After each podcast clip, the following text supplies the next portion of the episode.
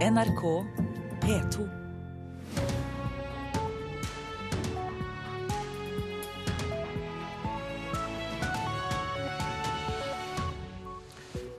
Øystein Heggen ønsker deg velkommen til Nyhetsmorgen torsdag 12. juni. Dette er hovedsaker nå 6.30. Islamistene sier de vil marsjere mot Iraks hovedstad Bagdad. Byrådssamarbeidet i Bergen er trolig reddet. Høyres avtale med Arbeiderpartiet om bybane blir skrinlagt. Polet må ta over taxfree-salget fra private selskaper på flyplassene. Det mener KrF og Senterpartiet. Høyre er helt uenig. De tjener enorme penger på den norske taxfree-ordningen. Så der må man gå inn i en uh, forhandling. Det syns jeg er for uh, lettvint, særlig sett hen til at uh, du har aktører som nå har kontrakter. Og Sukka og Rangers slo tilbake. Håpet lever fortsatt for den norske ishockeystjernen og New York Rangers.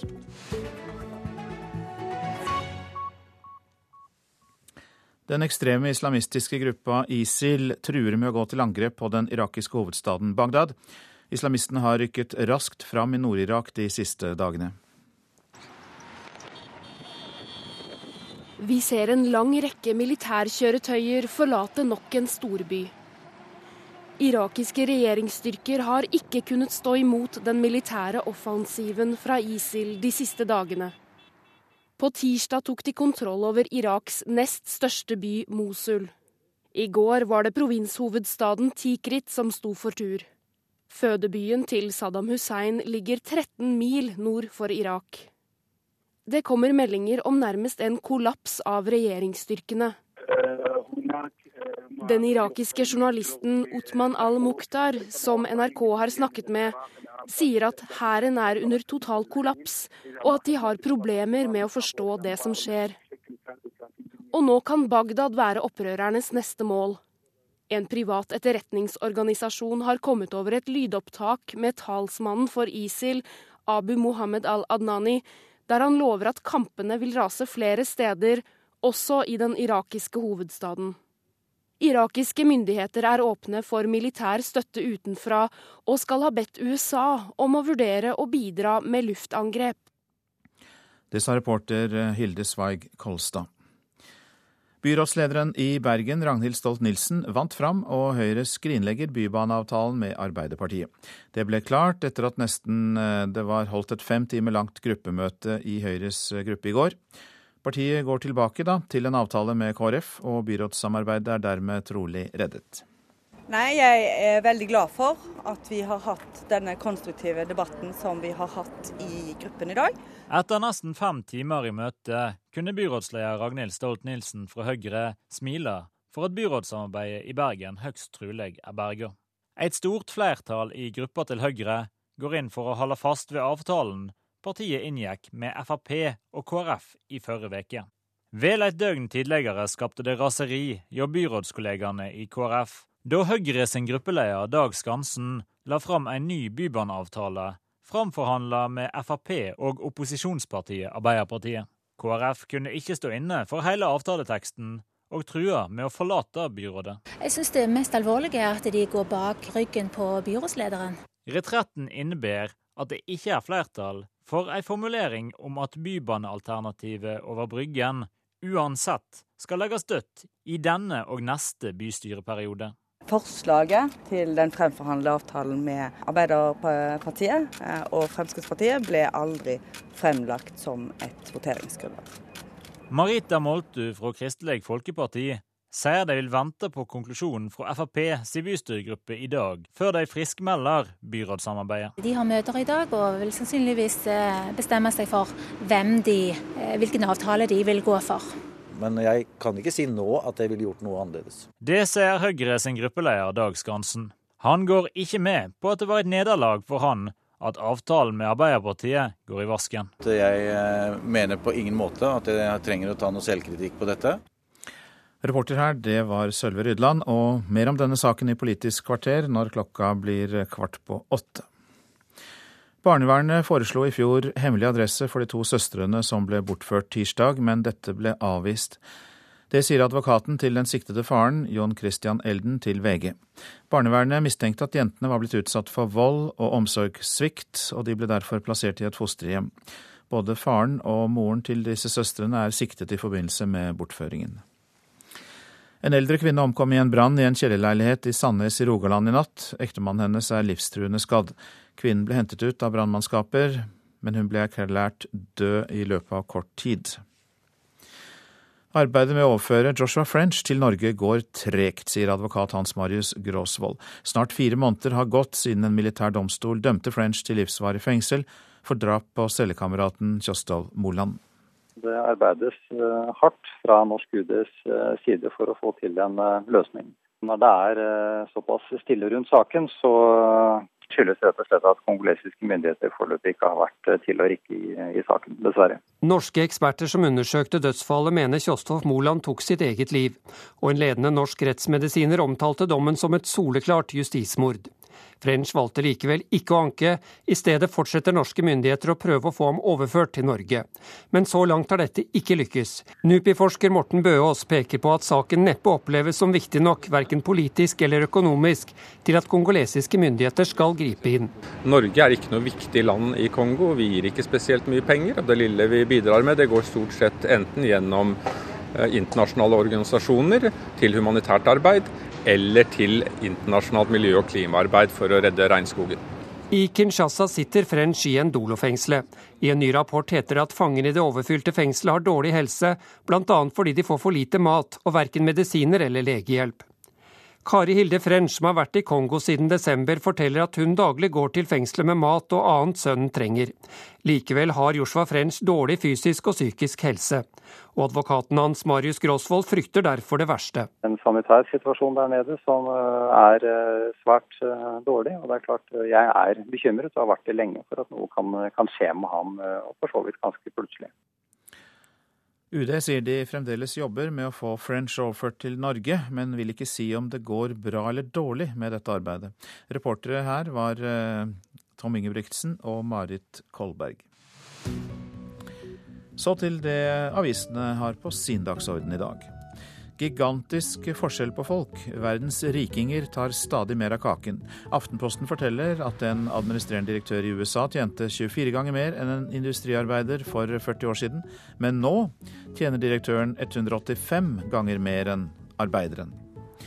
Bjørn Kjos hisser på seg Norsk Flygerforbund igjen, kan vi lese i Dagens Næringsliv. Norwegian-sjefen mener han har funnet en åpning i lovverket som gir mulighet til bruk av asiatisk personell på langruter fra Norge. Dette kan Kjos bare glemme, sier Flygerforbundet. Flere kjøper kamera til bilens dashbord. Det kan VG fortelle i dag. Nettet flommer over av villmannskjøring, bilbøller, elgpåkjørsler og ulykker. Forsikringsselskapene tror det blir stadig flere kameraer på dashbordene. Motororganisasjonen NAF er skeptisk, mens politiet tror kameraene kan gi viktige bevis. Slik blir vi hetset av nettrollene, skriver Dagbladet. Sandra Borch måtte trekke seg fra rampelyset etter at hun som leder av Senterungdommen ble utsatt for en flodbølge av hat, sjikanering og hets på nettet. Det blir mer overtid, mer midlertidighet og mer søndagsarbeid, hevder Dagsavisen, for nå går arbeidsministeren løs på arbeidsmiljøloven med støtte fra Venstre, skriver avisa. Arbeidsministeren utløser trusler om LO-aksjon, det er oppslaget i Klassekampen om samme sak. Forslag fra Robert Eriksson svekker arbeidsmiljøloven, og grasrota LO varsler langvarige aksjoner og streiker. Norge utsetter eh, avklaring av reglene for tomtefeste. Det skriver Nasjonen i dag. I mellomtiden gir Agder lagmannsrett grunneier Abraham Grimstvedt en halv million kroner mer i årlig festeavgift, selv om det er stikk i strid med hva Høyesterett har sagt. Ordfører Jens Johan Hjort må betale selv, sier FrPs gruppeleder i Tromsø bystyre. Jan Blomseth sier, Nordlys, sier dette til Nordlys. Det er nemlig strid om Høyre-ordførerens reise til et kurs i USA hos Google, som kostet kommunen over 40 000 kroner. 10 000 så Alice Cooper rocke på Odderøya, men nå ligger regningene på festivalkontoret, ifølge Fedrelandsvennen. Festivalen på denne øya utenfor Kristiansand har brukt opp aksjekapitalen og har ubetalte regninger for én million kroner.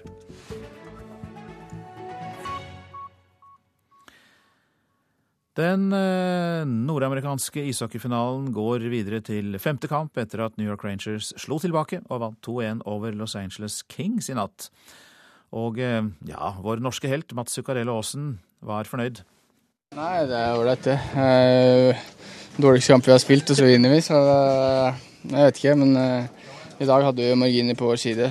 De hadde noen store sjanser der og sånne ting, så det, mm, det jevner seg ut. Så det, det er godt å se. Og Dermed går dette finaledramaet videre. Brasils eh, superstjerne Neymar innrømmer at han er nervøs foran åpningskampen i eh, VM, for i kveld møter vertsnasjonen Kroatia, og alle forventer at vidunderbarnet fra Sao Paulo skal skinne fra første stund. Neymars spinkle, men ekstremt tekniske bein leker med ballen som få andre på Brasils treningsfelt før møtet med Kroatia i kveld. Rundt han kan en peke ut stjerne på stjerne som blir viktige brikker i spillet som skal føre vertsnasjonen til VM-gull. Men de største forventningene er knytta til superstjerna Neymar da Silva Santos jr. Barcelona-spissen er hele landets trumfkort, Ingen kjenner forventningspresset som 22-åringen for Sao Paulo, som innrømmer at han er nervøs framfor åpningskampen. Vi håper hele den siste dagen går ekstremt raskt. Jeg er nervøs, men gleder meg også ekstremt masse. Jeg får tekstmeldinger fra venner som skulle ønske de fikk oppleve det samme som meg, men de valgte andre karriereveier. Det er for disse og resten av nasjonen jeg håper jeg kan innfri. Jeg vil oppfylle den store drømmen til Brasils folk ved å vinne VM på heimebane. I kveld blir 68 000 seter fylt på VM-stadion i Neymars heimby. Alle venter spent på at spilleren skal skinne. Også motstanderen, kyniske kroater anført av trener Niko Kovac, som har fulgt den brasilianske unggutten med lupe i hele år.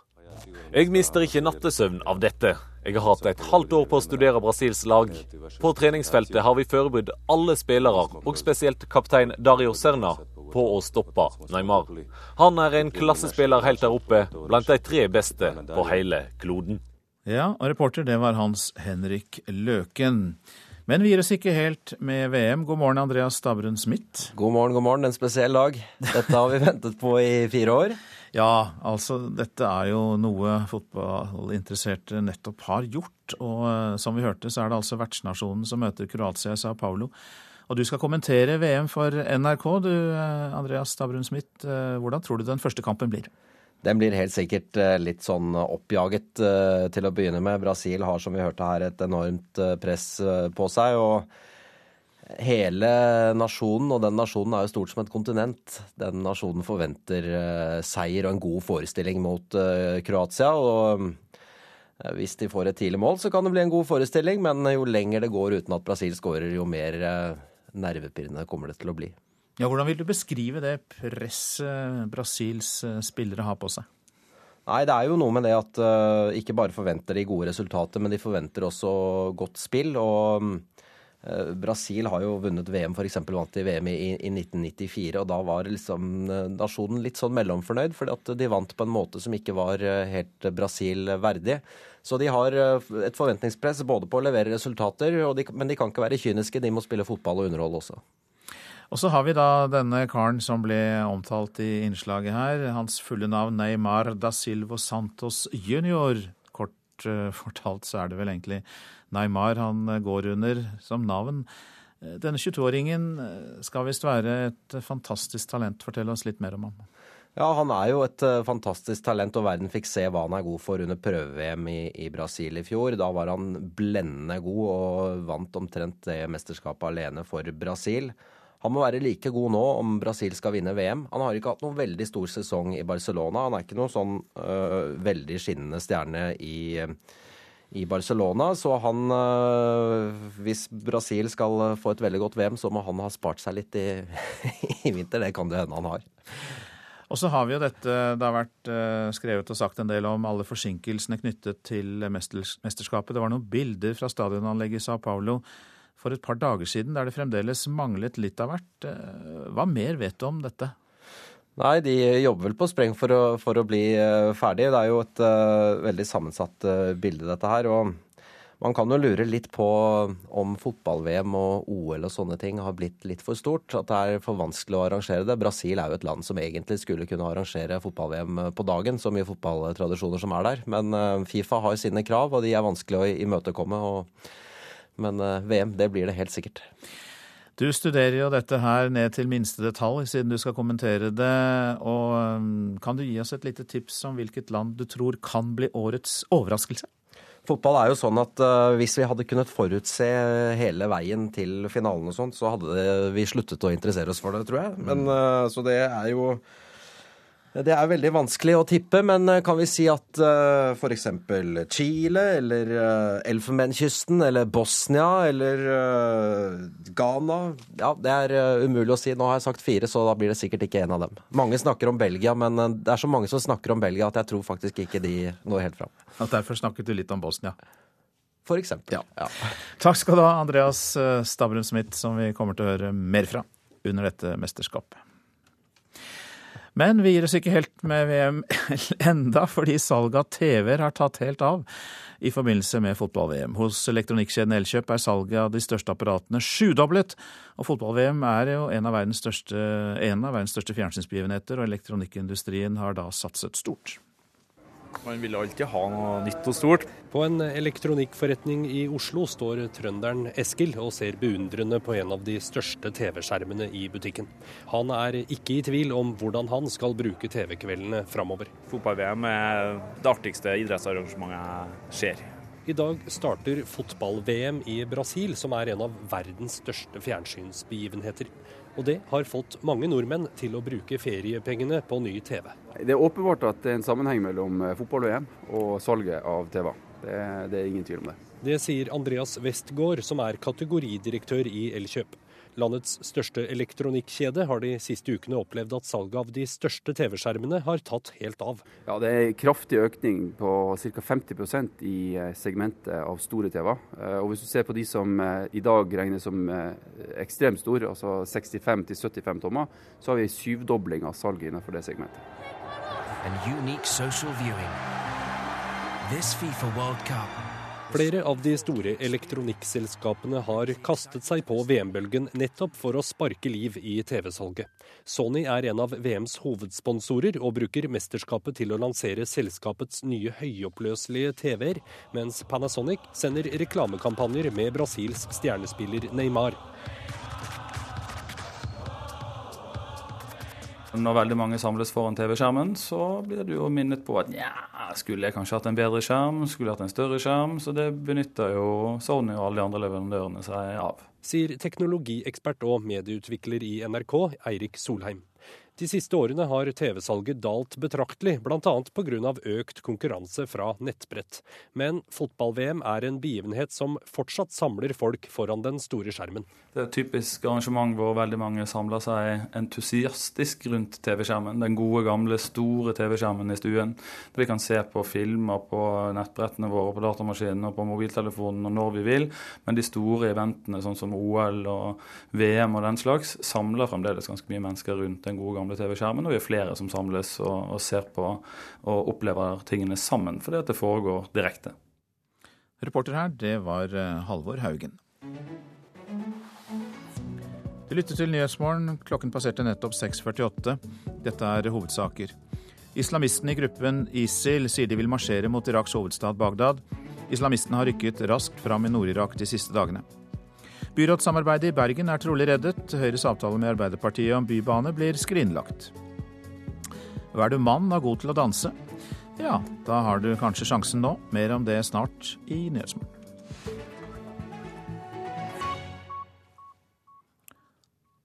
Senterpartiet og Kristelig Folkeparti fremmer i dag forslag i Stortinget om at Vinmonopolet bør overta taxfree-salget på norske flyplasser.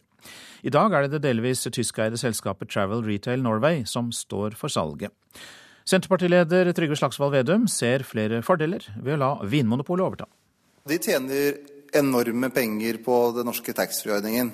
Så der må man gå inn i en eh, forhandling og prøve å få løst de fra den kontrakten så fort som overhodet mulig.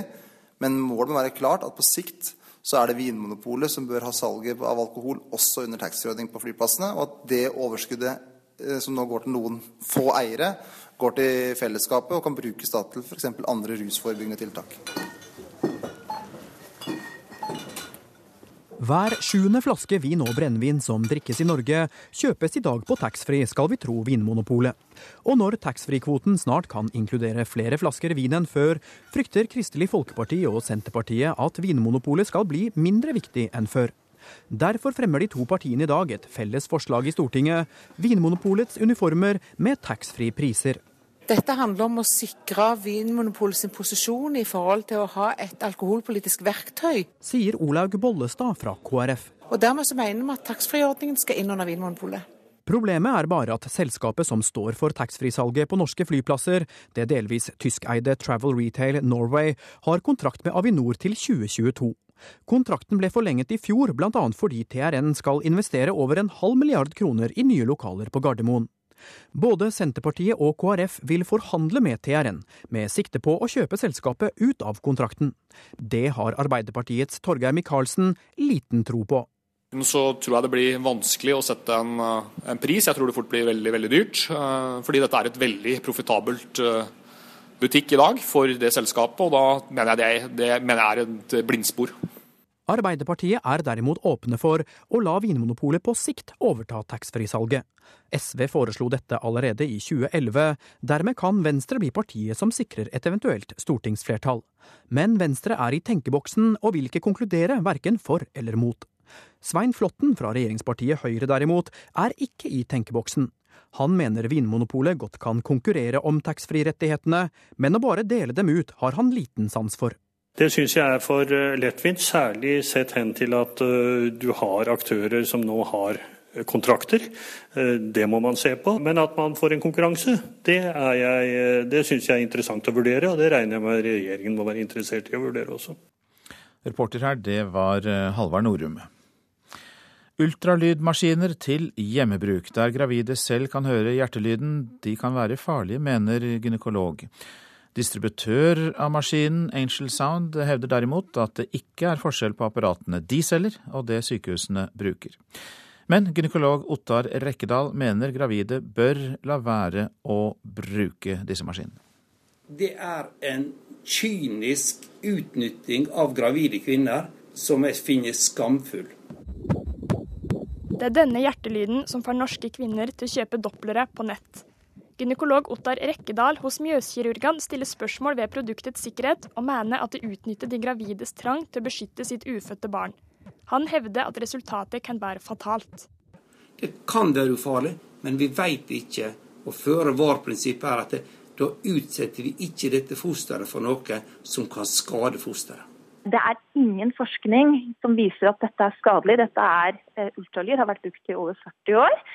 Og vi har CE-godkjenning og vi har FDA-godkjenning på dette produktet. Der sier Helene Libekk. Hun er enedistributør av Angel Sounds i Norge, og mener at det lille ultralydapparatet er helt trygt å bruke. Rekkedal tror derimot at strålene fra apparatet kan skade fosteret, og vil ikke at gravide skal benytte seg av produktet. I medisin så er det absolutt ingen grunn til å bruke denne type undersøkelser. Men de som bruker det, kan risikere at de setter fosteret sitt i fare. Libek medgir at ultralyd ikke bør brukes mer enn nødvendig, men vil ikke at leger og jordmødre skal ha monopol på hjertelyden. Hun er overraska over at det stilles spørsmål rundt sikkerheten. Dette er jo uttalelser jeg gjerne ville sett dokumentasjon på. Eh, fordi eh, dette, vi oppfatter at dette er tatt ut fra løse luften. Vi har et produkt som vi kan stå inne for 150% Hun opplevde sjøl en trygghet da hun brukte ultralydmaskina som gravid, og vil at andre kvinner skal få samme betryggelse ved å høre hjertelyden. Denne doppleren var for meg i de ukene i graviditeten hvor jeg var veldig usikker. Og det er det ganske mange som, eh, som trenger en, en betryggelse eh, og få vite at det er greit uten å renne ned døren til lege eller jordmor. Sykehuset Innlandet er i likhet med gynekologen ikke spesielt begeistra for ultralydmaskinene som er beregna til hjemmebruk. Stian Westad er avdelingsleder ved kvinneklinikken i Lillehammer, og mener produktet er unødvendig. Vi har da anbefaling at hvis de ikke kjenner liv, så skal de ta kontakt med lege, jordmor eller fødeavdeling. Sånn at det ikke er vår anbefaling at man kjøper seg noen ekstra instrumenter for å følge med på hvordan barn har det. Libek mener at det ikke er forskjell på maskinene som benyttes på sykehus og Angel Sounds. Gynekologen vil derimot at kvinnene skal oppsøke fagfolk for å sjekke fosterets helse. Dette Doppler-apparatet har i prinsipp absolutt ingen annen hensikt enn at enkelte skal tjene penger på mødrene sin genuine interesse for sitt eget barn. Det er ikke noe forskjell på det apparatet han bruker og det apparatet som er til hjemmebruk. Det er bare litt, uh, litt færre finesser på det man bruker hjemme. Reporter her, det var Nina Rundsveen. Nasjonalballetten ønsker seg en større andel norske, mannlige dansere. Men mange gutter slutter å danse ballett når de kommer i tenårene. Fordommer er en av årsakene. Leder for ballettskolen ved Den norske opera og ballett håper en ny dokumentar kan bidra til holdningsendring. Det er jo litt svært å danse ballett. Det er jo ikke alle gutter som gjør det. Det med ballett er veldig flott. Jeg liker å se dans. Sier regissør Kenneth Elvebakk. Men så hadde jeg hørt på, på operaen på ballettskolen der at eh, gutter slutter med ballett når de nærmer seg tenårene. Og at det er veldig få som fullfører ungdomsskolen eh, på ballettskolen. I fire-fem år fulgte Elvebakk de tre tenåringsguttene Lukas, Syvert og Torgeir, som drømmer om å bli profesjonelle ballettdansere. Jeg har jo hørt at de har en del utfordringer i forhold til fordommer at kanskje ikke alle syns det er like kult å danse ballett. Men det jeg erfarte, var kanskje mest at det er beinhardt å danse ballett. Og det hadde jeg lyst til å lage en film om. Resultatet er blitt dokumentaren 'Ballettguttene', som i kveld vises på kortfilmfestivalen i Grimstad. I wish to say that if I do that, my teacher would kill me in Hungary. Det er hans jobb. sier han er veldig sterk. Det er en god del fordommer fortsatt, og det merker vi jo på at, uh, at det iblant kan være erting for noen av de elevene vi uh, går, eller har hos oss. Knut Breder er leder for ballettskolen ved Den norske opera og ballett. Altså Forestillinger om at det å danse ballett er uh, veldig feminint. Er, mange tror vel kanskje at man skal på tåspiss i tillegg, at man gjør det samme som jentene. Det stemmer veldig dårlig med den virkeligheten som er. Ballettskolen har i dag rundt 120 elever, og av de er ca. 25 gutter. Når guttene er mellom 10 og 13 år gamle, er det gjerne flere som slutter. Noen av de, når de kommer eh, litt opp i, i alderen, så ser man f.eks. at de ikke har de fysiske forutsetningene som skal til. Eller at de eh, får et visst press utenfra eller ønske utenfra, og fra seg selv også kanskje, til å, å, se venner lokalt, altså hjemme, eh, mer enn det de får gjort når de trener uh, mye ballett ved siden av. For tida er sju av totalt 27 engasjerte mannlige dansere i Nasjonalballetten norske. Knut Breder kunne godt ønske seg en høyere andel, og håper Kenneth Elvebakks dokumentar vil være med og bidra til en holdningsendring når det gjelder gutter og ballett. Det viser at det er helt vanlige gutter som uh, liker eh, en fysisk aktivitet, og som eh, trives med ballett. Dette er skikkelig hard trening, og det appellerer jo til veldig mange gutter. Reporter Miriam Grov. Og så var det værvarselet fram til midnatt. Fjell i Sør-Norge, liten kuling utsatte steder i Langfjella, regnbyger. Østlandet lokale regnbyger utrygt for torden nord for Oslo, ellers stort sett opphold og lange perioder med sol. Telemark og Agder vestlig periodevis liten kuling på kysten vest for Oksøy. Lokale regnbyger i indre strøk, ellers opphold og lange perioder med sol. Rogaland i ettermiddag liten kuling i sør, for det meste skyet vær, men enkelte regnbyger. Hordaland regnbyger, kort og godt. Sogn og Fjordane stiv kuling ved Stad, regn og regnbyger. Møre og Romsdal og Trøndelag liten kuling på kysten i sør og regnbyger. Utrygt for torden i indre og sørlige strøk. Helgeland, Saltfjellet, Salten og Ofoten sørvestlig oppe i liten kuling på kysten. I ettermiddag dreier det nordlig. Det blir regnbyger, gradvis lettere mot kvelden. Lofoten og Vesterålen nordøstlig opp i liten kuling, og som langsomt minker utover dagen. Litt regn først på dagen, seinere delvis skyet og enkelte regnbyger. Så går vi til Troms. Skyet eller delvis skyet vær og spredte regnbyger. Finnmark liten kuling på kysten i øst. Skiftende skydekke. Forbigående regn i sørlige og østlige strøk av Finnmark. Ellers spredte regnbyger. Nordensjøland på Spitsbergen stort sett oppholdsvær og perioder med sol. Så tar vi for oss temperaturene som ble målt klokka fem i natt. Svalbard lufthavn tre, Kirkenes ti, Vardø åtte, Alta tolv, Tromsø-Langnes åtte, Bodø elleve. Brønnøysund og Trondheim-Værnes begge tolv grader. Molde og Bergen-Flesland begge 13. Stavanger 14, Kristiansand-Kjevik 12. Gardermoen, der var det 13 grader. Lillehammer 10. Røros 6 og Oslo-Blindern hadde 13 grader klokka fem.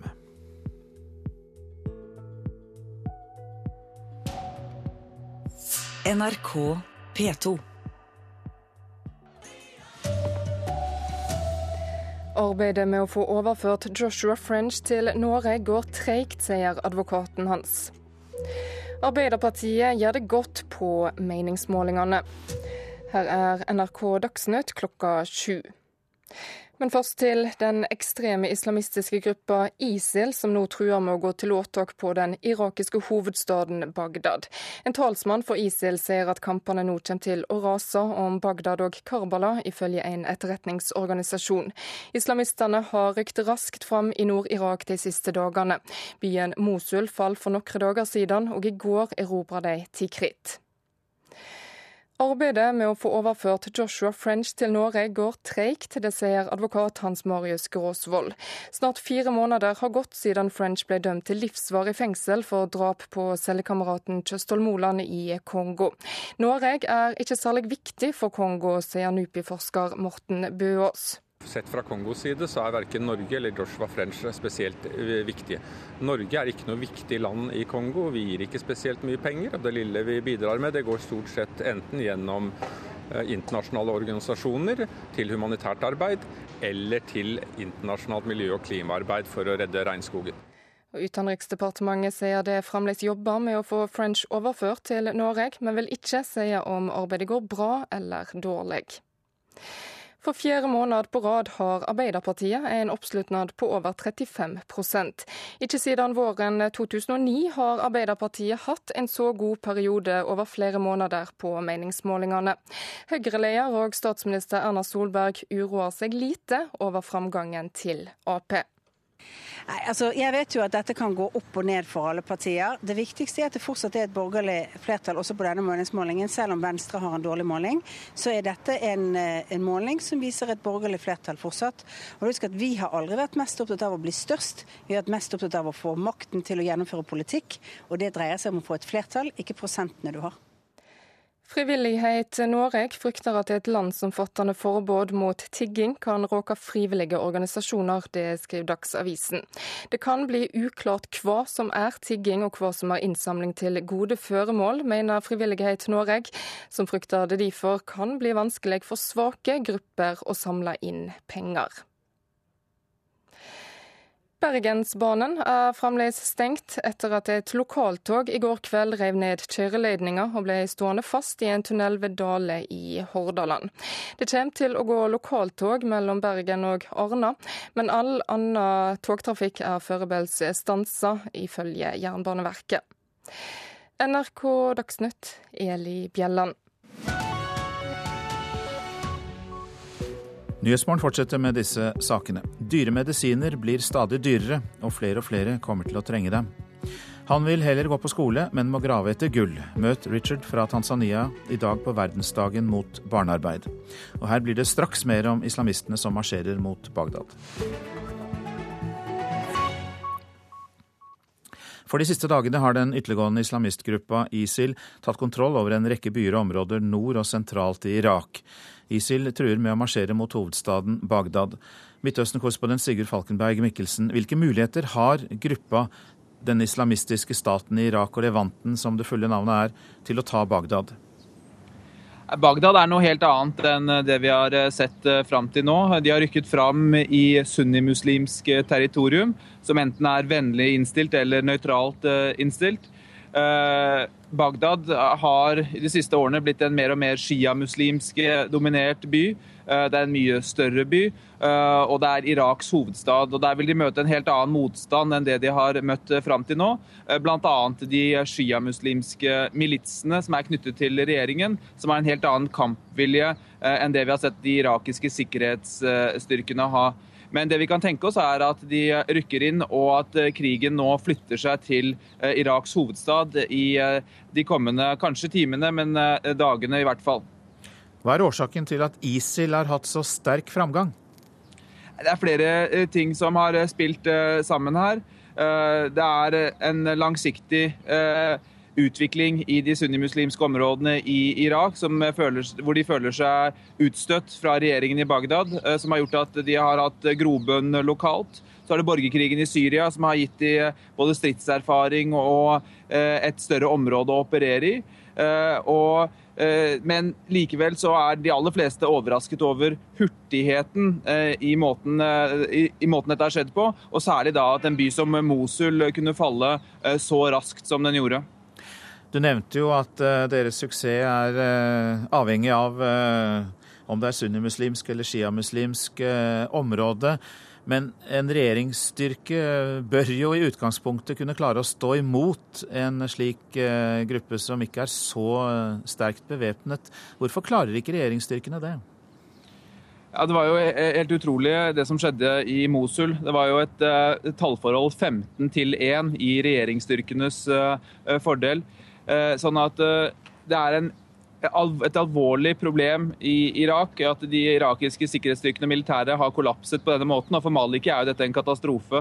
Eh, de har brukt masse penger på disse, disse soldatene og fått mye militært utstyr fra USA bl.a. Eh, men det viser at de har eh, skapt en mer eller mindre politisert sikkerhetsstyrke og militære, som da ikke hadde den lojaliteten eh, til eh, sikkerhetsstyrkene, hjalp, eller til myndighetene, da det gjaldt som mest. Hvilke muligheter har USA da, til å påvirke den militære situasjonen? De er ganske små, eh, i hvert fall akkurat nå. De har jo brukt allerede enorme summer på å utvikle denne irakiske sikkerhetsstyrken som kollapset på den måten vi var inne på. I alt har de brukt 14 milliarder dollar på å bygge opp en irakisk hær uten å komme noen særlig vei de har jo da støttet opp eh, den irakiske regjeringen og sier eh, at de vil fortsette med det. Men det er klart at denne måten ISIL nå rykker fram på, eh, skaper jo et enormt sikkerhetsproblem, ikke bare i Midtøsten, men for hele, hele regionen, og også Europa og Vesten. Midtøsten-korrespondent Sigurd Falkenberg Mikkelsen, takk skal du ha. På bare ett år har utgiftene til de dyreste medisinene i Norge økt med 100 millioner kroner. Dette er legemidler ganske, for ganske få pasienter med sjeldne sykdommer som eh, får ja til å bruke dyre medisiner. Men eh, snart så vil større grupper av pasienter få tilgang til avanserte og slike svært dyre medisiner, sier fagfolk. I en hylle på apoteket i Radiumhospitalet ligger en av Norges dyreste medisiner. Selboraf, som gir føflekkreftpasienter med spredning forlenget levetid. For 20 000 kroner i uka. Men hvor mye lenger levetid vet man ikke på forhånd, sier overlege ved Radiumhospitalet Marta Nyakas. En del pasienter faller tilbake etter ca. seks måneders tid, men det er noen som har effekt over år. Rundt 100 pasienter får denne medisinen, som kan koste opp mot en million i året per pasient. Men den er langt fra de dyreste. Noen legemidler mot enzymmangel koster flere millioner i året, og det finnes ekstreme tilfeller, sier medisinsk fagdirektør i Legemiddelverket Steinar Madsen. Ja, det finnes en som får enda mer. Jeg har faktisk en pasient eh, som får medisiner for over 10 millioner kroner i året. Kostnadene til de dyreste legemidlene per pasient øker nå kraftig. Fra 2012 til 2013 gikk utbetalingene til de 16 dyreste medisinene opp med 100 millioner kroner, til godt over 300 millioner. Dette er legemidler som bare går til en gruppe på vel 400 pasienter.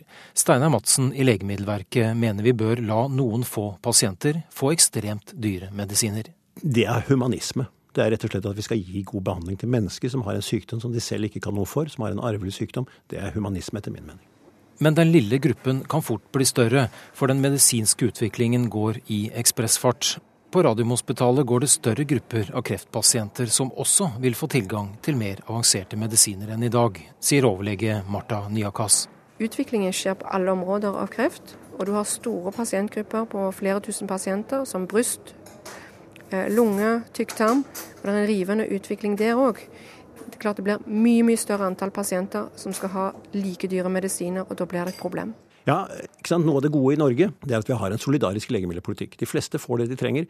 Også de som har disse helt uvanlige behovene, får det de trenger. Men det er klart, denne typen legemidler blir det mange flere av i fremtiden. Fordi vi får muligheter til å utvikle legemidler mot sykdommer vi i dag ikke kan behandle.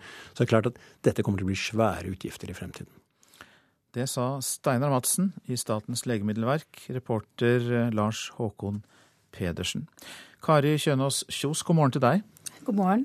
Du er leder av Stortingets helse- og omsorgskomité. Det kommer fra Fremskrittspartiet. Og vi hørte jo da her at uh, medisiner til millioner av kroner uh, som da ikke helbreder sykdommen, men likevel forlenger livet til pasienten. Skal det være noen grenser for hvor mye penger vi bruker på det? Vi har jo eh, nedsatt et prioriteringsutvalg som eh, skal hjelpe oss til å eventuelt ta noen prioriteringer. Men så har jeg lyst til å legge til at eh, det at eh, forskning skjer, og det at utvikling skjer, og nye medisiner kommer på markedet, det kan vi ikke se på som et problem. Det er et gode, og det skal vi være veldig takknemlige for. Og så er det litt vanskelig med, med, disse litt sjeldne sykdommene, fordi at det er så få til å fordele regningen på, så de må nødvendigvis bli dyrere.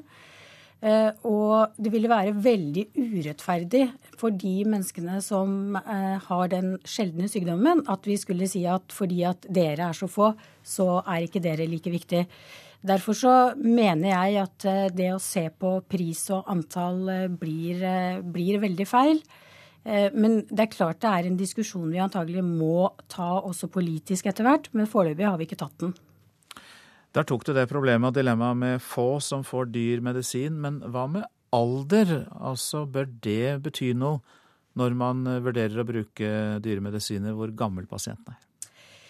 Ja, nå er vi jo ikke veldig glad for å drive med diskriminering i, i dette landet. Og, og, jeg tror nok at eh, det som er viktigere, er vel å se på muligheten for at medisiner faktisk kan redde liv, og ikke bare handler om eh, eh livsforlenging, men også eh, hvilken type livskvalitet man, man, får. Og fordi det er snakk om eh, sjeldne sykdommer også, så vet vi jo ikke riktig hvilken effekt medisiner har. For noen vil det være livsforlengende, og for noen vil det faktisk være å overleve. Sånn at å bruke alder som et eh, bastant eh, beregningsgrunnlag for om vi skal bruke penger på det eller ikke, det syns jeg er feil. Men det du trekker opp her, er om man får tettere på seg det dilemmaet der om medisinen faktisk redder liv, eller om den kun er livsforlengende? Det er der dilemmaet blir stående kanskje mer i framtida? Det, det, tror jeg vil være en diskusjon, men samtidig fordi at medisinen er testet ut på, eller brukes av så få, så vet vi ikke helt sikkert eh, hvem som faktisk bare får, eh, hvis du kan si bare, forlenget livet, mens andre faktisk blir friske av den. Eh, det er lettere på disse store pasientgruppene, for da har vi så veldig store tall og materiell å vise til, og kan med sikkerhet si at eh, ok, denne redder liv. Ser du for deg at disse dilemmaene, som er veldig viktige og som mange er opptatt av, må inn til en debatt i Stortinget? Ja, og den kommer til å komme. fordi at uh, Vi fremmet jo forslag om dette i fjor, at vi ville ha en egen legemiddelmelding. Uh, og nå sitter vi da med det departementet og, og, har begynt å jobbe med en legemiddelmelding som skal se på legemiddel i sin helhet. Altså, det er jo veldig mange sider ved det. Derfor eh, er det så viktig at dette prioriteringsutvalget nå kommer med sin anbefaling inn til det arbeidet med den meldingen. Og da vil det bli en veldig viktig diskusjon i Stortinget. Takk for at du kom, Kari Kjønaas Kjos, som da er fra Fremskrittspartiet og leder av Stortingets helse- og omsorgskomité. Nå har vi eh, mer politikk og eh, meningsmålinger. For fjerde måned på rad har Arbeiderpartiet over 35% oppslutning. Norges største parti har bare vokst siden valget, men er fortsatt ikke i nærheten av regjeringsmakt. Nå er jo meningsmålingene sånne stemningsmålinger. Vi er langt unna valg, men det føles jo veldig bra for oss at vi har løftet oss etter valget. Vi tapte det valget, og vi har forsøkt å vise oss fram som det vi vil være, åpne og nysgjerrige. Og jeg tror velgerne nikker til det. Påtroppende Arbeiderpartileder Jonas Gahr Støre har all mulig grunn til å være fornøyd. Han tar over et parti som får hele 35,9% oppslutning på Norstats partibarometer for NRK i juni. Ikke siden våren 2009 har Arbeiderpartiet opplevd en så god periode over flere måneder på meningsmålingene. Men vi så for så vidt at Arbeiderpartiet var i vekst eh, allerede før valget, slik at det er litt av den veksten som har, har fortsatt. Noe av problemet for Arbeiderpartiet i tiden før valget i fjor, var jo at mange av deres egne satte seg på gjerdet, hadde også frafall av velgere til andre partier. Eh, det vi nå ser, er jo at lojaliteten blant egne velgere er ganske stor. Og det er ikke så mange som, har, som setter seg på gjerdet. Så det er nok litt mer en samling, og at dette er lettere når partiet er i opposisjon, enn når man hele tiden skulle forsvare det som regjeringen eh, i alle tilfeller gikk inn for. Det sier valgforsker Bernt Årdal. Men statsminister Erna Solberg nekter å bekymre seg over Arbeiderpartiets fremgang. For flertallet, det er fortsatt på borgerlig side. Nei, altså, jeg vet jo at dette kan gå opp og ned for alle partier. Det viktigste er at det fortsatt er et borgerlig flertall også på denne meningsmålingen. Selv om Venstre har en dårlig måling, så er dette en, eh, en måling som viser et borgerlig flertall fortsatt. Og husk at Vi har aldri vært mest opptatt av å bli størst, vi har vært mest opptatt av å få makten til å gjennomføre politikk. Og det dreier seg om å få et flertall, ikke prosentene du har. Reporter her, det var Anne Mone Nordahl. Klokka er nettopp passert kvart over sju. Dette er hovedsaker i Nyhetsmorgen. Islamistene i gruppen ISIL sier de vil marsjere mot Bagdad. NRKs Midtøsten-korrespondent sa her i Nyhetsmorgen at de vil møte langt hardere motstand dersom de forsøker å innta Iraks hovedstad. Byrådssamarbeidet i Bergen er trolig reddet. Høyres avtale med Arbeiderpartiet om Bybanen blir skrinlagt. Mer om det om en halvtime i Politisk kvarter. Og arbeidet med å overføre Joshua French til Norge går tregt, sier advokat Hans Marius Gråsvold. I UD sier de at de fremdeles jobber med å få French overført. Nå skal vi høre om 13 år gamle Richard fra Tanzania. Han er ett av 168 millioner barn som er offer for barnearbeid. Helst vil han gå på skole, men må i stedet grave etter gull. I dag markeres den internasjonale dagen mot barnearbeid. Richard går løs på fjellveggen med en hakke. De tynne armene banker løs bit for bit av den porøse steinen. For Richard er gullgraver i Tanzania. Han er bare 13 år, men har allikevel lang erfaring i gullgruvene. Tanzania har undertegnet FNs barnekonvensjon som forbyr barnearbeid. Men her, som i mange andre land, særlig i Afrika og Asia, brytes loven hver eneste dag. I Tanzania skjer mye av barnearbeidet i små, uregistrerte gruver, hvor ungene kryper i huler, og hvor jordganger raser sammen. Richard forteller at han ble slått bevisstløs da gruveveggene kollapset over ham. Vennene mine måtte grave meg ut. De fikk meg på sykehus der jeg lå bevisstløs i flere timer, forteller han. Men til tross for den skremmende opplevelsen måtte han likevel tilbake til gullgruvene for å tjene penger til familien. Ifølge FN blir 168 millioner barn i verden brukt til barnearbeid. Barna jobber ofte under farlige arbeidsforhold, med lange arbeidsdager og minimalt med lønn. Jeg liker ikke å jobbe i gruvene. Jeg ville heller gått på skolen, men jeg har ikke råd til uniform og bøker, forteller Richard. Men han gir likevel ikke slipp på sin største drøm. Jeg drømmer om å bli lærer, sier den 13 år gamle gullgraveren fra Tanzania. Reporter Silje Herbro Landsverk. Ja, FN markerer altså verdens dag mot eh, barnearbeid i dag. Og assisterende generalsekretær i FN-sambandet Rune Arktander, velkommen til deg. Takk for det. Ja, av disse 168 millioner barn som vi hørte om i reportasjen, så jobber altså 85 millioner under såkalt farlige forhold. Og hva innebærer det?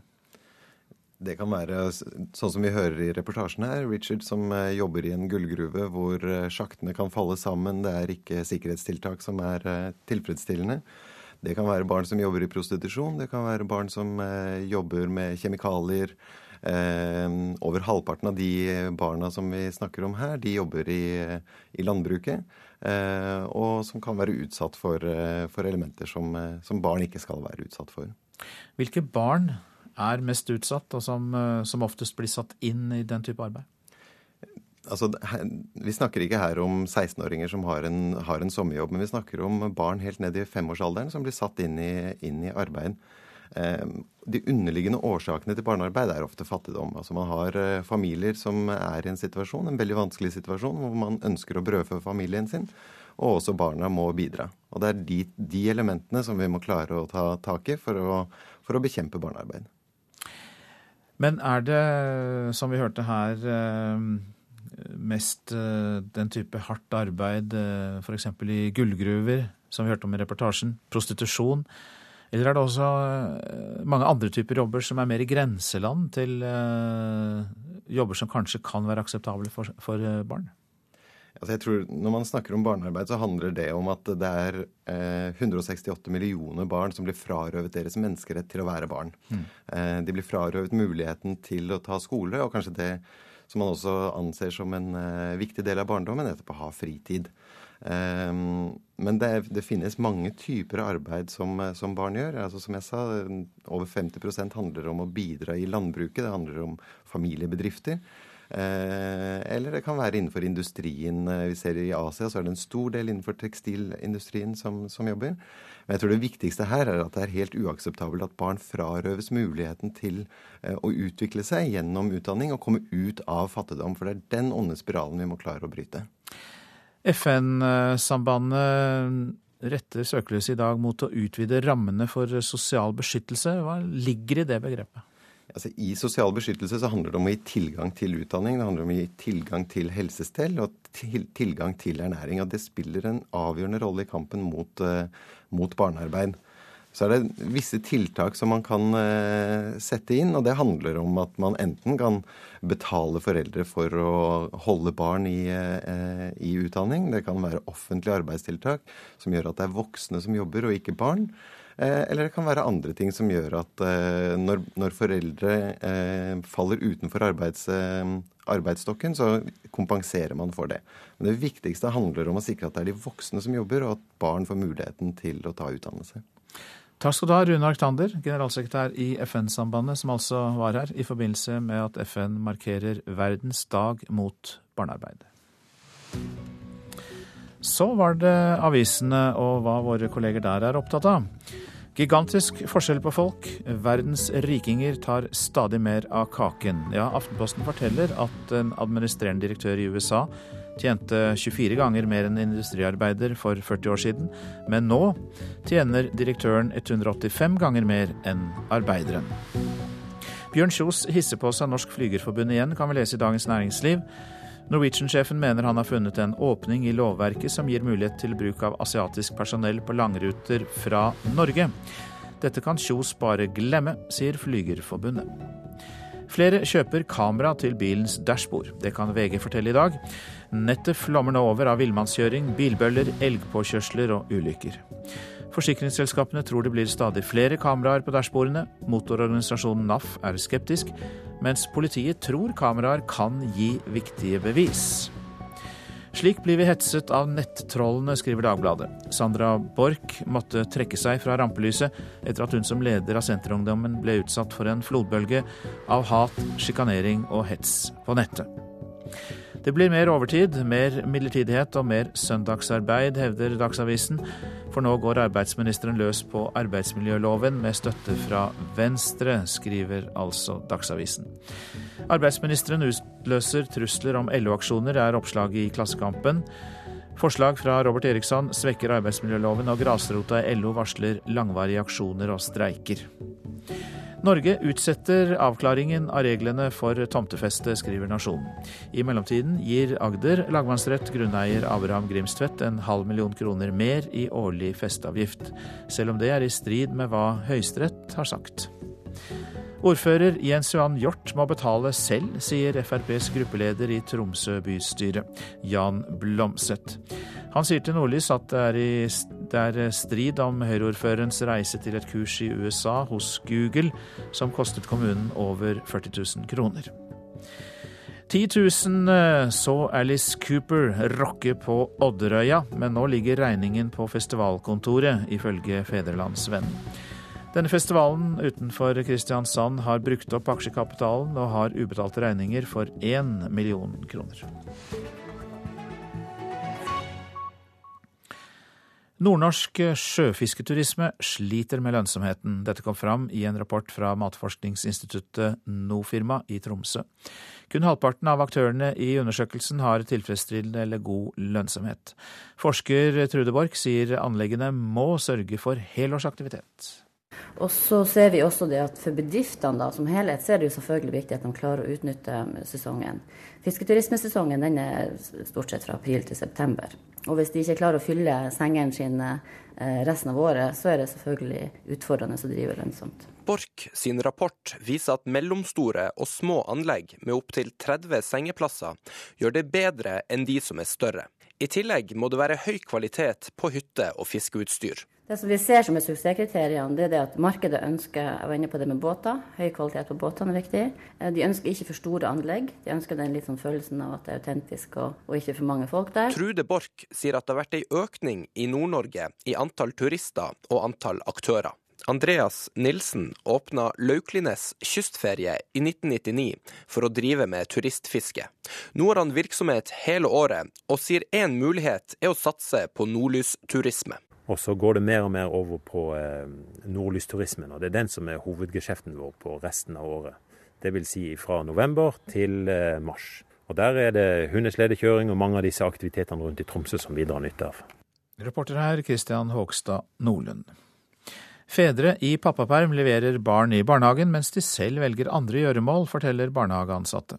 Dette er ikke bra, det undergraver hele ordningen med pappapermisjon, sier Nav-direktør Terje Tønnesen. Barnehagestyrere forteller at fedrene har så mye å finne på mens barna er i barnehagen. Oppussing, gutteturer eller kanskje alenetid på verandaen. Det er dette enkelte velger å bruke foreldrepermisjonen på. Barnehagestyrer Anne Marit Woie sier spesielt fars bruk av permisjonen har blitt et tema blant barnehageansatte. Vi har jo opplevd det vi også i vår barnehage. Eh, og jeg har jo snakket med andre kollegaer også, de også har jo opplevd det. At det har vært en økende tendens eh, til at eh, fedre gjør en del andre ting når de får permisjon. Hva gjør de da? Vi har vel opplevd litt ulikt. Kanskje litt oppussing av hus og dra litt på tur og litt sånn egenpleie, kanskje. Hva syns du om det, da? Nei Hvis jeg personlig skal si hva jeg tenker om det, så syns jeg jo at det ikke er så veldig OK at de bruker permisjonstida si sånn, da. De burde kanskje være sammen med, med barnet sitt og bli kjent med barnet sitt. NRK har vært i kontakt med flere barnehager der dette er et tema. Flere forteller at de ser at fedre leverer i barnehagen selv om de har permisjon. En barnehagestyrer sier hun har sett flere slike tilfeller i ulike barnehager hun har jobba de siste åra. En undersøkelse gjort i 2010 av nettstedet barnehage.no underbygger dette. Over 44% av de spurte barnehagene opplyste den gang at foreldre bruker permisjon til andre ting enn å være sammen med barna. Det er dumt, mener Woie. Vi vet jo at den første tida med eget barn er veldig viktig. Det å få godt, en god relasjon til sitt eget barn. Eh, I starten er jo det veldig viktig. Det vil vi jo på en måte se videre i livet at eh, det, at det er viktig. Nav-direktør i Telemark Terje Tønnesen sier at intensjonen er at far skal delta i oppdragelsen. Å levere barna i barnehagen mens en selv har foreldrepermisjon undergraver hele ordningen, sier han. Ute på gata i Porsgrunn treffer jeg fedrene Thomas Madsen og Kjetil Strøm. De har klare meninger om pappaer som leverer barna i barnehagen når de selv har permisjon. Jeg syns ikke det er noe særlig. Man har jo perm for å være hjemme med barna og eh, slappe av og bruke tid sammen med dem. Jeg syns det er ikke er riktig at man sender barna i barnehage og sitter hjemme og kuler'n den sjøl. Hvordan var din perm? Nei, det var flott, den. Var hjemme med guttungen og var ute og skrudde litt bil og sola oss litt og kosa oss. Permen er jo til å være hjemme med unga, så da får han bruke tida der. Frode Brøndbo, du har pappaperm. Kunne du tenkt deg å ha levert guttungen i barnehagen og gjort noe hjemme, eller brukt tida for deg sjøl? Nei, det er ikke ofte man får den muligheten til å kunne gå, ut, gå hjemme med gutt, gutten og kunne være så mye sammen med barnet. Så er, det syns jeg er veldig morsomt. da. Ikke aktuelt å levere han i barnehagen? Ikke i hele tatt.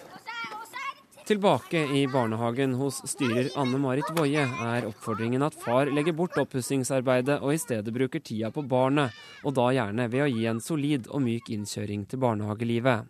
Det er jo snakk om eh, små barn helt ned i ti måneders alder, og de trenger eh, korte dager i starten for å venne seg til å være i barnehage.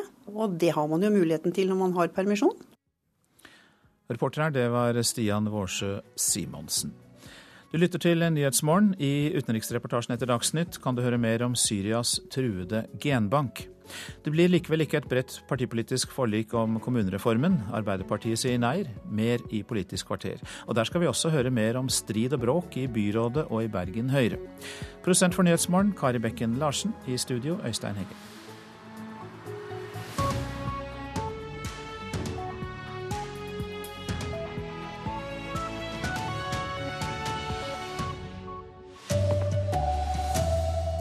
Ekstreme islamister truer nå med åtak mot Bagdad. Dyre medisiner blir dyrere. På bare ett år har utgiftene økt med 100 millioner kroner. Fedrer misbruker pappapermen, sender barna i barnehagen og reiser sjølve på tur. Her er NRK Dagsnytt, klokka er 7.30.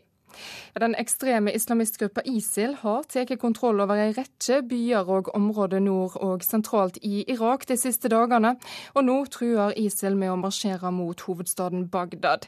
Midtøsten-korrespondent Sigurd Falkenberg Mikkelsen, hva skjer dersom ISIL går inn i Bagdad?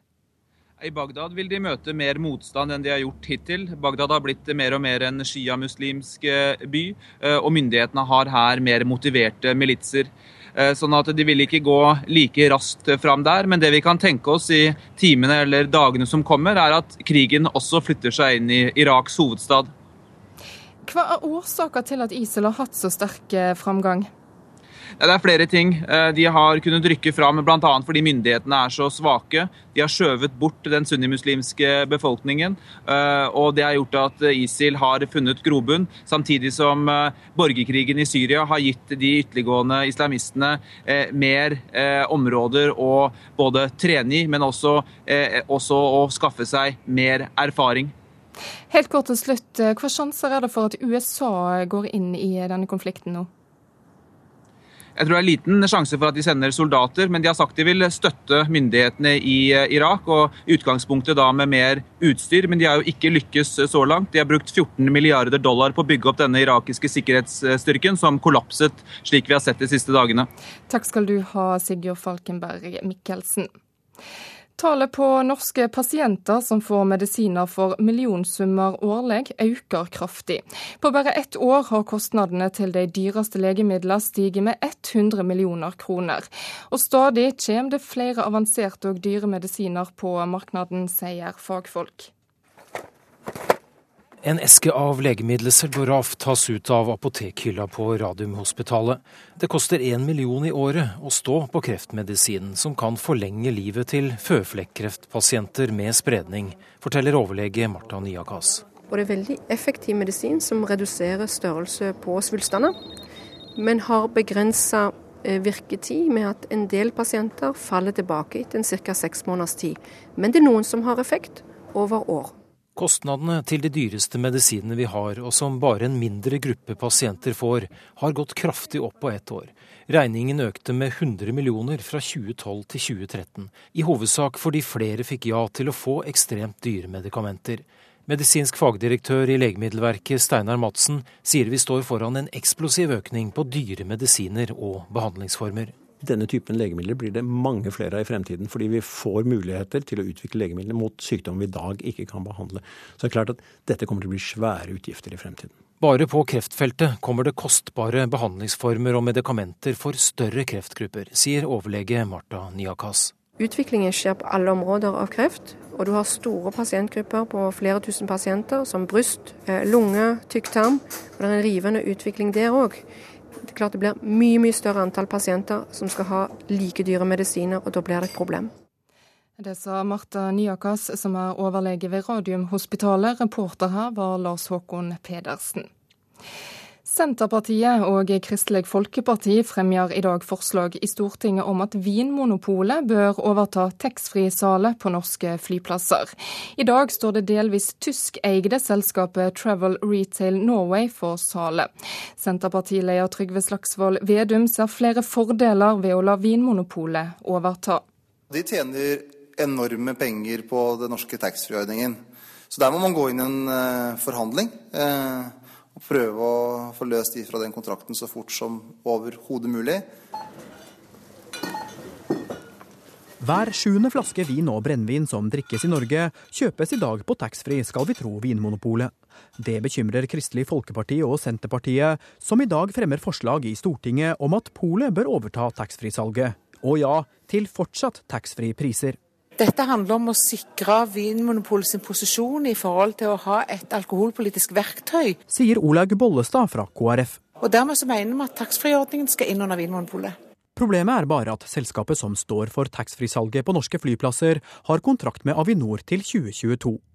Høyres Svein Flåtten er ikke interessert i å kjøpe selskapet ut av kontrakten slik Senterpartiet og KrF åpner for, men jeg mener at eh, man bør vurdere om eh, også Vinmonopolet på helt vanlige vilkår kan være med å konkurrere med de andre. Det er ikke noe selvstendig poeng at de eller de skal gjøre det. Det kan for min del være eh, hvem som helst. fordi at dette er jo et tilbud til de reisende ut fra den taxfree-ordningen vi har.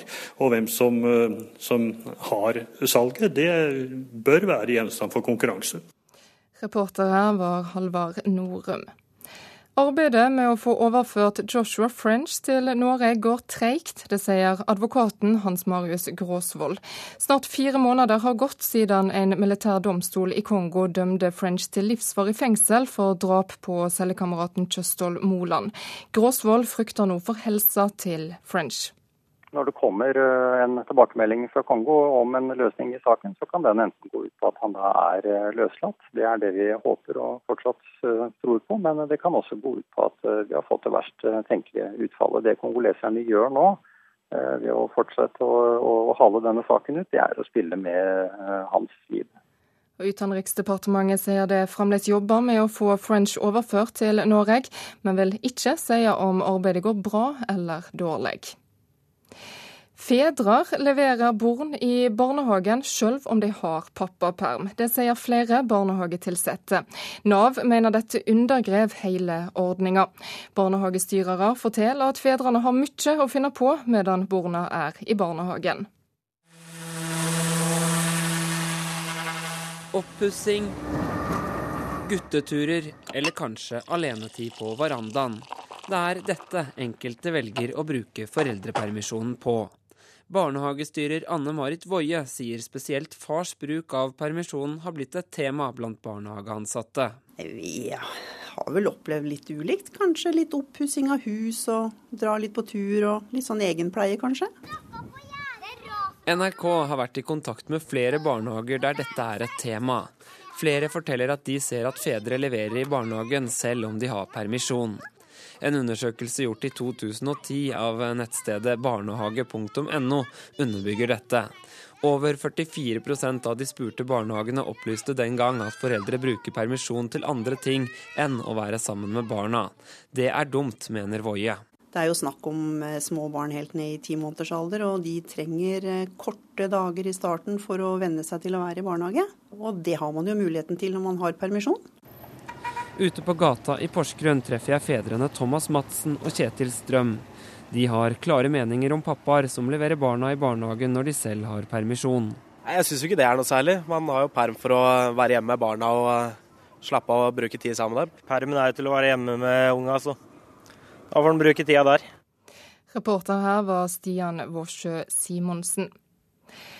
I kveld starter fotball-VM, og det er ingen hvem som helst som skal i aksjon i åpningskampen. Vertsnasjonen Brasil møter Kroatia i Sao Paulo klokka 22 norsk tid. Andreas Stabrun Smith, du skal kommentere VM for NRK. Hva kan vi vente oss i kveld? Vi kan vente oss en eh, forestilling der nervene er i høyspenn, for nå er det, det første, den første store testen for eh, det brasilianske laget, som eh, en hel nasjon har så enorme forventninger til. Så det blir en kjempespennende forestilling, og antagelig brasiliansk seier til slutt. Ja, Presset på Brasil er stort. Hvor stort er det? Nei, det er veldig stort, for uh, ikke bare skal Brasil komme langt, de skal helst vinne hele VM. Og de skal gjøre det på en måte som uh, brasilianerne kan stå inne for. De må spille underholdende fotball og helst skåre mye mål. Så det, det de skal ha ja takk, begge deler. Ja, vi har hørt om mye streiker og bygging av et stadionlegg som har gått treigt. Eh, Kortest slutt, er alt nå klart for VM? Det er det nok helt sikkert ikke, for, for, det bygges og det er små justeringer eh, underveis eh, som helt sikkert eh, Ja, det er litt å gjøre, men Jeg tror ikke TV-seerne kommer til å merke det. Jeg tror det blir et veldig flott mesterskap sånn fra sofaen. Og Første kamp, altså. Brasil-Kroatia klokka 22 norsk tid. Takk skal du ha, Andreas Stabren Smith. Ansvarlig for denne Dagsnytt-sendinga var Sven Gullvåg. Teknisk ansvarlig var Hanne Lunås. Her i studio, Eli Bjelland.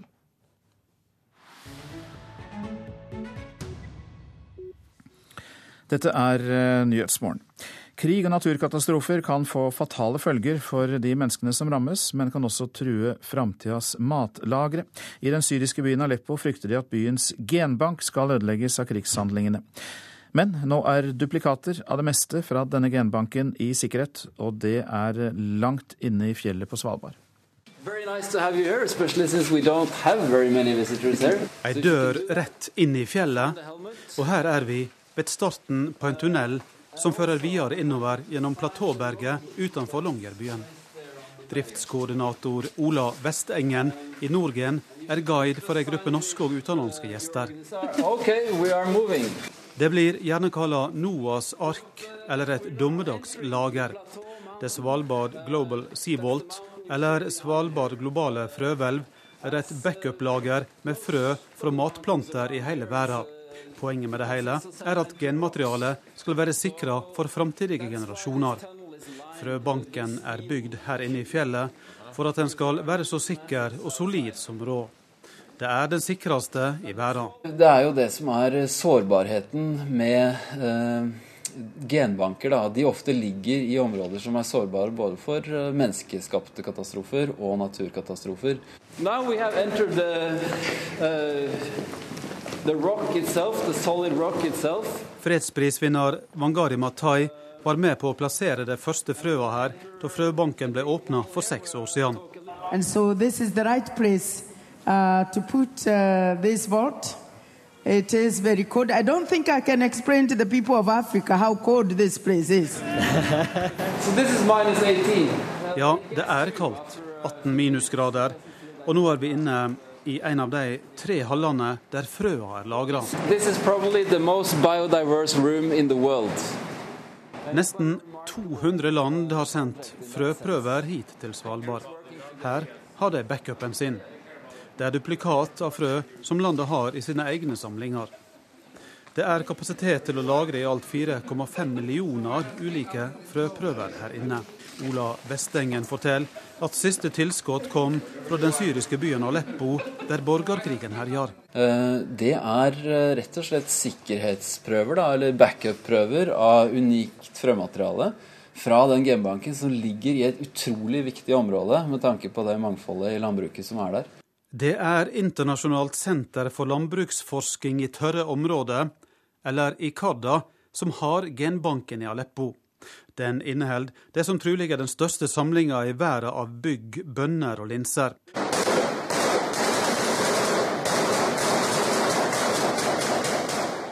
Dette er lyden av Aleppo, Syrias største by. En by med rik kulturhistorie, men nå krig og død. Genbanken har holdt til i Aleppo siden 1983. Mahmoud Solle er redd den verdifulle samlinga skal bli ødelagd. Let me tell you, you know what a war is. You, I mean, I can tell you up till yesterday things were, were okay, but I don't know the end of the day today what will happen. Fram til i går var alt ok, men eh, jeg vet ikke hva dagen vil bringe. Mahmoud Soleh sier han er svært takknemlig for innsatsen staben i Aleppo har gjort for å holde genbanken i drift under svært vanskelige forhold. Han er letta over at genmaterialet nå er sikra langt inn i fjellet på Svalbard. I'll tell you, we are now feel very much at ease that we have our the bulk of our germplasm in, in Svalbard because we know that this is very well protected and in safe place. Reporter Eivind Molde. Dette er Nyhetsmorgen med disse hovedsakene.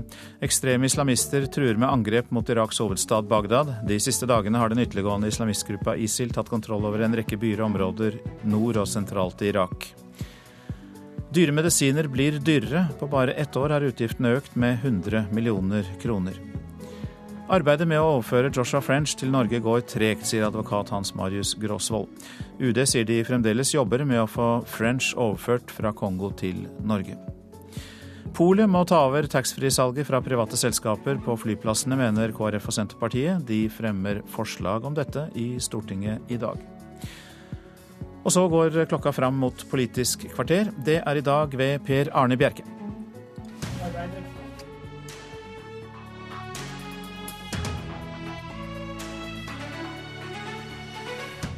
Arbeiderpartiet mener regjeringen går for langt i å bruke tvang mot kommuner som ikke vil slå seg sammen, og møter Høyre til debatt.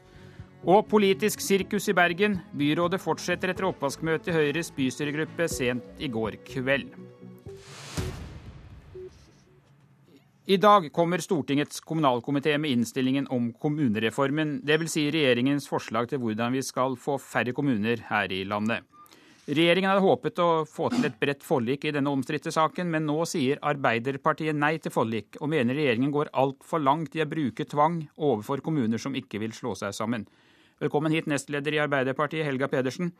Regjeringen snakker jo også om at sammenslåingen skal skje ved frivillighet, og hva er det egentlig dere reagerer på? Eh, vi opplever jo at uh, høyresida kommer med varme omfavnelser når det gjelder ordbruken om frivillighet og retorikken.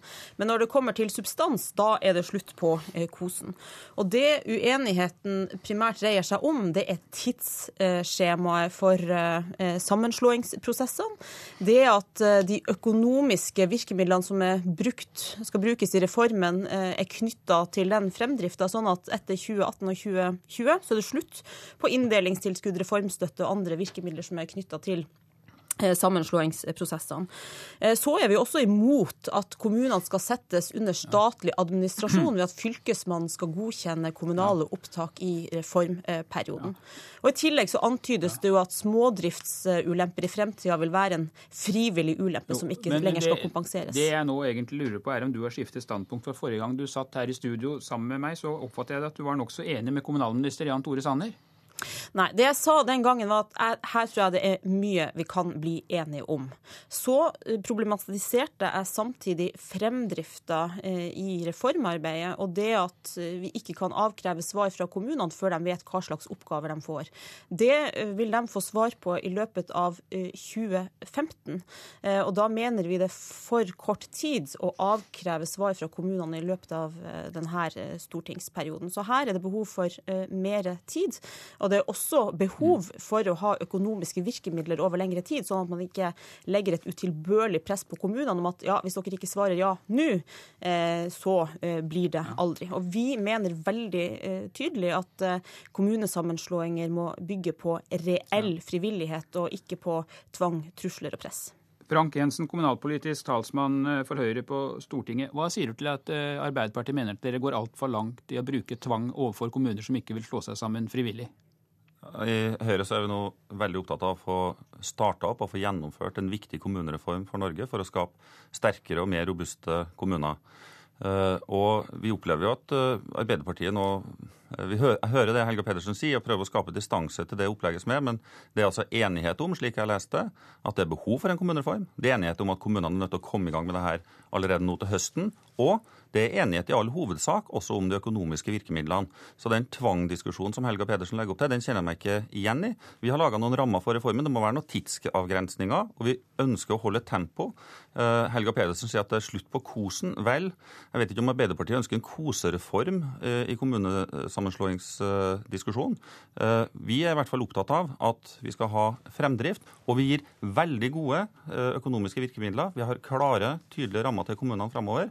Og eh, vi forventer at de kommunene som skal være med på dette løpet i det løpet av denne kommunereformen, i løpet av de neste to årene har tatt stilling til hvem man ønsker å slå seg sammen med. Det syns ikke vi er utilbørlig tidspress overfor kommunene. Vi mener tvert imot at vi legger opp til en god prosess som gir kommunene godt rom for å ta stilling til hvilke andre kommuner man ønsker å gå sammen med. Helga Pedersen, dere ønsker jo også en kommunereform. Det dere snakket om i mange år. Hvordan i all verden skal dere få kommuner til å slå seg sammen hvis dere ikke åpner for at Stortinget kan bruke tvang?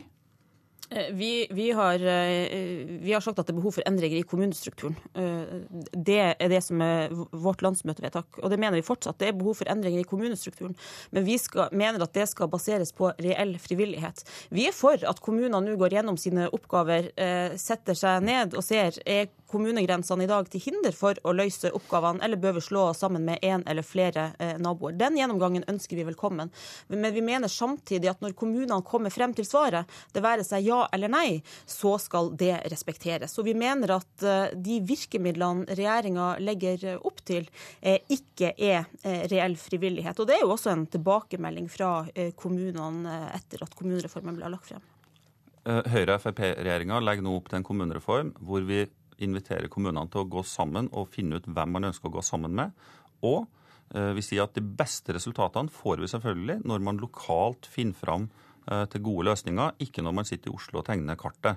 Eh, så fra Høyre og Frp sin side så er vi selvfølgelig opptatt av at vi skal få til frivillige løsninger. Og så har vi sagt at rent unntaksvis, og jeg tror vi har brukt omtrent de samme unntakseksemplene som Arbeiderpartiet har brukt, at rent unntaksvis, hvis én kommune hindrer en fornuftig regional uh, sammenslåing, ja, så må muligens Stortinget jo. kunne gripe inn. Men hele poenget er at ja, dette er en frivillig Eh, basert reform, men vi legger inn gode økonomiske virkemidler. Vi legger inn god tid til kommunene til å ta stilling til hvilke kommuner man ønsker å gå sammen med. Ja, Du sier det er eh, frivillig, Frank Jensen, men er det ikke et uttrykk for tvang når dere truer med å trekke tilbake støtteordninger hvis ikke kommunene gjør som dere sier, nemlig å slå seg sammen? Nei, det Vi har sagt at det skal være en tidsavgrensning på de her virkemidlene. Vi kan sikkert diskutere om øh, øh, hvis det er behov for det. og og, og måtte se på om vi skal også ha noen økonomiske virkemidler enda lenger ut i perioden. Men nå har vi altså sagt at i løpet av de neste to årene så forventer vi at norske kommuner uh, setter seg ned og finner ut og tar denne gode nabopraten, finner ut hvem man ønsker å gå sammen med,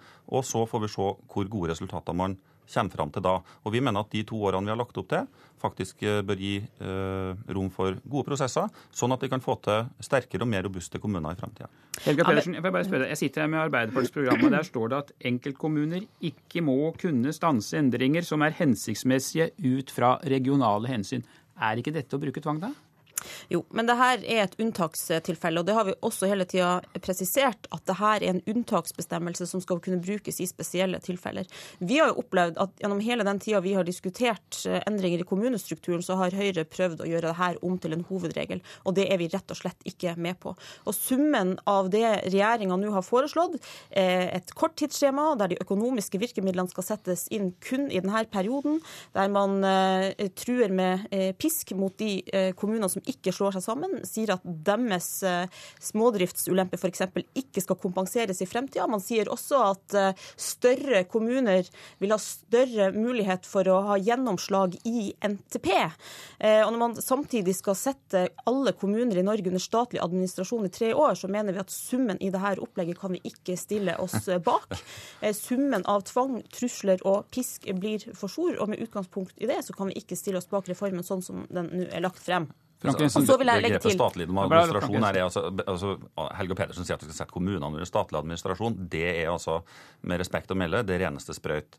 Eh, det vi sier er at For å unngå at noen kommuner tar opp ekstra store lån for eksempel, før man slår seg sammen, sånn at man velter gjelda over på naboen, det ønsker vi å unngå. Det er akkurat det samme loven som Arbeiderpartiet innført før eh, deres egen regionreform, hvor man la akkurat de samme begrensningene på fylkeskommunene, uten at Arbeiderpartiet den gangen kalte det for statlig administrasjon. Så er det sånn at Arbeiderpartiet og Helga Pedersen, da regionreformen ble lagt fram for en måneds tid siden, så var Helga Pedersens første reaksjon at dette var en altfor puslete reform. Puslete var begrepet. Nå syns åpenbart Arbeiderpartiet at dette er en altfor offensiv reform. Vel, vi legger opp til en reform, en kommunereform fra Høyre og Frp sin side, som gir kommunene nå to år på seg med rikelige økonomiske virkemidler, og vi legger også selvfølgelig inn, og det må jo være en positiv ting, at vi legger inn belønningsordninger og stimulanser for de kommunene som faktisk ønsker å slå seg sammen. Jeg, ja, jeg sa den, gang, den, dagen reformen ble lagt frem at her er det sikkert mye eh, vi kan bli enige om. Og jeg registrerer at Høyre og Fremskrittspartiet ikke har vært villige til å imøtekomme oss på våre substansielle innvendinger mot reformen. Det handler om de tingene jeg har snakka om nå. Det handler også om det regionale folkevalgte nivået, som vi gjennom hele prosessen har eh, sagt må avklare avklares samtidig med kommunestrukturen. Og Vi mener det er helt nødvendig å slå fast at det regionale folkevalgte nivået skal bestå også i fremtida, ikke minst av hensyn til de videregående skolene, der vi er meget bekymra for å rive opp de fagmiljøene vi har i dag, fordele dem på et sted mellom 100 og 400 kommuner, alt etter hva antall kommuner er i fremtida. Der har vi der har regjeringspartiene ikke villet imøtekomme oss. Vi har også advart sterkt mot å svekke kommuneøkonomien samtidig som man skal gå løs på eh, strukturspørsmålet. Heller ikke der har regjeringa vært villig til Frank å imøtekomme oss. Deg, altså, nå blir det tydeligvis ikke noe av det brede forliket dere hadde håpet på. Hvor eh, uheldig er det for dere? Vi er veldig opptatt av at det i Stortinget bør være bred tilslutning til behovet for en reform, og det er det. Det er bred tilslutning til at kommunene skal komme i gang med reformarbeidet allerede til høsten. Det er det også bred tilslutning til. Det oppfatter jeg også at Arbeiderpartiet er enig i.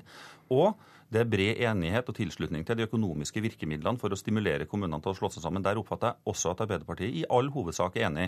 Eh, så sier Arbeiderpartiet at man er mot en tvangsreform. Vel, eh, reformen er basert på frivillighet. Det er utgangspunktet, og det er opplegget også til Høyre-Frp-regjeringa, og det som jeg tror også får tilslutning til Stortinget nå. Da må jeg si takk til dere, Frank Jensen og Helga Pedersen.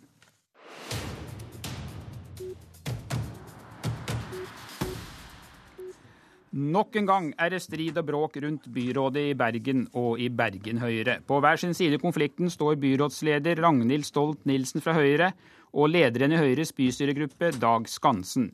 I går kveld var det oppvaskmøte i bystyregruppa. Striden dreier seg om Bybanen, og etter mange timer bak lukkede dører kunne byrådsleder Stolt-Nielsen konstatere at hun hadde fått det som hun ville, og byrådet fortsetter. Nei, jeg er veldig glad for at vi har hatt denne konstruktive debatten som vi har hatt i gruppen i dag. Frode Bjerkestrand, kommentator i Bergens Tidende. Som vi har hørt i nyhetene i morges, er dette en strid om hvor Bybanen skal gå. Men slik eh, denne saken har utviklet seg de siste dagene, så er vel dette også blitt en ren maktkamp innad i Bergen Høyre? Det er mye som kan tyde på det, men altså, denne måten å drive maktkamp på fremstår som noe klønete. Da, i den, så lenge Høyre faktisk risikerer å miste makten i Bergen på dette prosjektet. Så uh, maktkamp er relativt. Det, det, det er iallfall veldig lite tillit mellom byrådslederen og bystyret, hennes egen bystyregruppe. Det tror jeg vi kan slå fast. Men snakker de ikke sammen i Bergen Høyre? For her virker det jo som om gruppelederen har inngått avtaler med andre partier uten å informere godt nok i egne rekker. Det er et veldig godt spørsmål. Altså, her er det absurde situasjoner situasjon at byrådet klarer å snekre sammen en avtale om denne bybanen til Åsane da, i, før helgen, før pinsen. Og Rett over pinse så sitter lederen i bystyregruppen seg ned og lager en ny avtale der Arbeiderpartiet er med på laget. Så det ser unektelig ut som de ikke snakker sammen i det hele tatt. Hvordan vil dette påvirke Bergen Høyre i tiden fremover? Det er veldig vanskelig å si. Det er åpenbart store problemer mellom bystyregruppens leder, altså Dag Skansen, og byrådsleder Ragnhild Stolt-Nielsen. Og Eh, de var ute og kjeklet i eh, lokalpressen her i går og beskytta hverandre gjensidig for eh, maktkamp og sånne ting. Og når det når det nivået av politisk diskusjon, så er jo tyder på at det er store problemer. Så hvordan de skal håndtere dette internt fremover, det er vanskelig å se. Men de har en vanskelig Altså, de skal jo inn i siste året før neste kommunevalg. Og da må Høyre i Bergen bestemme seg for hvilke politiske og hvilke allianser de skal satse på. Eh, du må huske på at dette byrådet vi har nå, har sittet i koalisjon i elleve år. Eh, det, denne prosessen her vitner også sannsynligvis om veldig stor slitasje. Og det er kanskje ikke så veldig rart. I en kommentar i går så skrev du at Høyres og byrådets evne til kontinuerlig politisk selvskading er grunnleggende fascinerende. Hvor lenge kan dette pågå før det får eh, konsekvenser for byrådet? Som du sier, det er valg altså neste år. Nei, Det er åpenbart at, at eh, bystyregruppen til Høyre i Bergen de har ikke særlig sans for sin egen byrådsleder. Eh, Ragnhild Stoltenesen overtok etter Monica Mæland, som hadde stor autoritet og veldig stor kontroll på Høyre i Bergen. Etter at Monica Mæland forsvant og ble næringsminister i Erna Solbergs regjering, så oppstod det et lite maktvakuum der som bystyregruppen brukte veldig heftig til å markere seg sjøl, spesielt på en så vanskelig sak som, som Bybanen er. da. Og eh, Det har vært et halvår med bråk og rot siden Ragnhild Stolt-Nielsen overtok som byrådsleder, og det, det, kan de bare ikke leve med når de skal inn i et slags eh, valgår. da. Kristelig Folkeparti, som jo sitter i byråd sammen med Høyre, har jo truet med å trekke seg. Iallfall eh, sto det noe slikt i Bergens Tidende tidligere denne uka. Hva betyr den kranglingen for det videre borgerlige samarbeidet i Bergen? Det er veldig vanskelig å se. Altså, KrF er en liten byrådspartner. De, har, eh, de, kan bruke makten. De har sittet i maktkonstellasjoner i Bergen i 40 år eller godt over det. Eh, så de kjenner maktspillet. De vet akkurat hvordan de skal føre seg når sånne vanskelige saker settes på spissen. Men eh, hvordan dette samarbeidet skal føres videre i en ny bystyreperiode, er, er litt vanskelig å se for seg akkurat nå. For det at bystyrepartnere også viser hverandre så lite eh, toleranse og respekt. Takk skal du ha, Frode Bjerkestrand, kommentator i Bergens Tidende. Lørdag samles Arbeiderpartiet til ekstraordinært landsmøte for å velge ny leder. Og i morgen er både avtroppende leder Jens Stoltenberg og den kommende lederen Jonas Gahr Støre gjester her i Politisk kvarter. Politisk kvarter i dag var ved Per Arne Bjerke. Hør flere podkaster på nrk.no podkast.